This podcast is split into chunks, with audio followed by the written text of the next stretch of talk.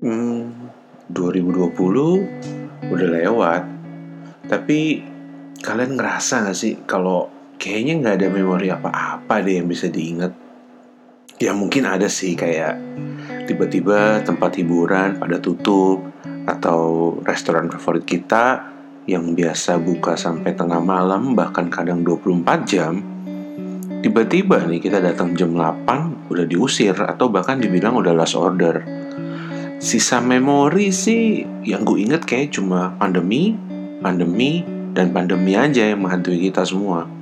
Ke mana-mana takut, ketemu orang parno, lihat orang batuk aja nih, kita udah kayak kebakaran jenggot, takut tuh orang covid. Ditambah lagi kan, kalau kita lihat berita-berita di media sosial atau di TV atau di radio itu gila banget. Tiap hari itu yang positif bukannya turun, malah naik, malah cetak rekor baru. Mending kalau rekornya positif ya bisa jadi kebanggaan. Lah kalau rekornya jumlahnya karena covid makin nambah kan yang ada juga makin stres juga ya.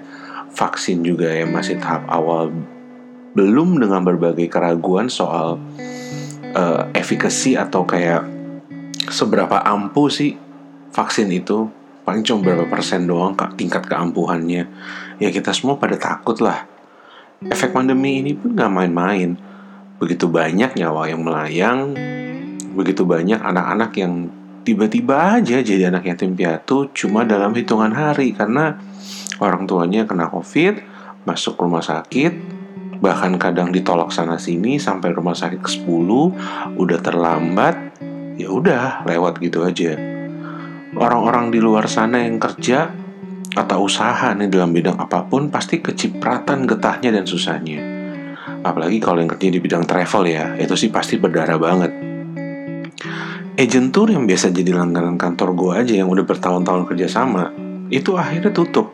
Karena udah nggak sanggup juga. PHK atau dirumahkan itu udah bukan lagi berita yang mengagetkan lagi. Karena perusahaan juga nggak mungkin terus-terusan bakar duit untuk nambel gaji karyawan kalau emang nggak ada revenue atau nggak ada pemasukan sama sekali mau nggak mau ya harus efisiensi daripada kolaps sekalian. Masuk 2021, kayaknya sih juga nggak lebih baik.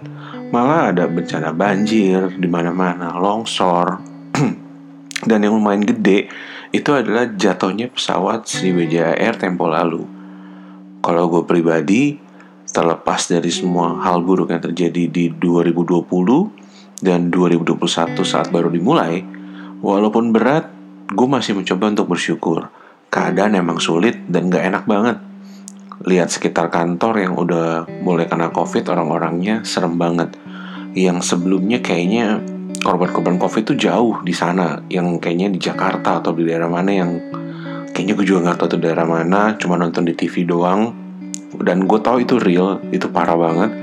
Cuman kok kayak sekarang tuh makin deket circle-nya.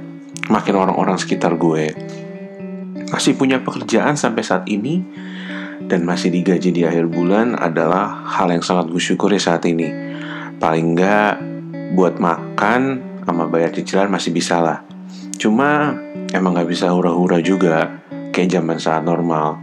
Karena emang namanya kondisi kayak gini dan kalau berlangsung makin lama, which is sekarang udah hampir setahun, bisa bahaya juga kalau duit diambur-amburin dan kita nggak punya simpanan atau pegangan sama sekali keadaan emang berat banget.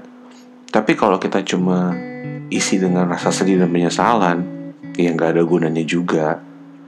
Mensyukuri yang kita punya saat ini mungkin, mungkin ya, bisa jadi sedikit obat lah untuk mengurangi rasa sakit yang kita rasakan karena pandemi ini. So, just be grateful and never give up. Kalimat ini juga buat gue sih.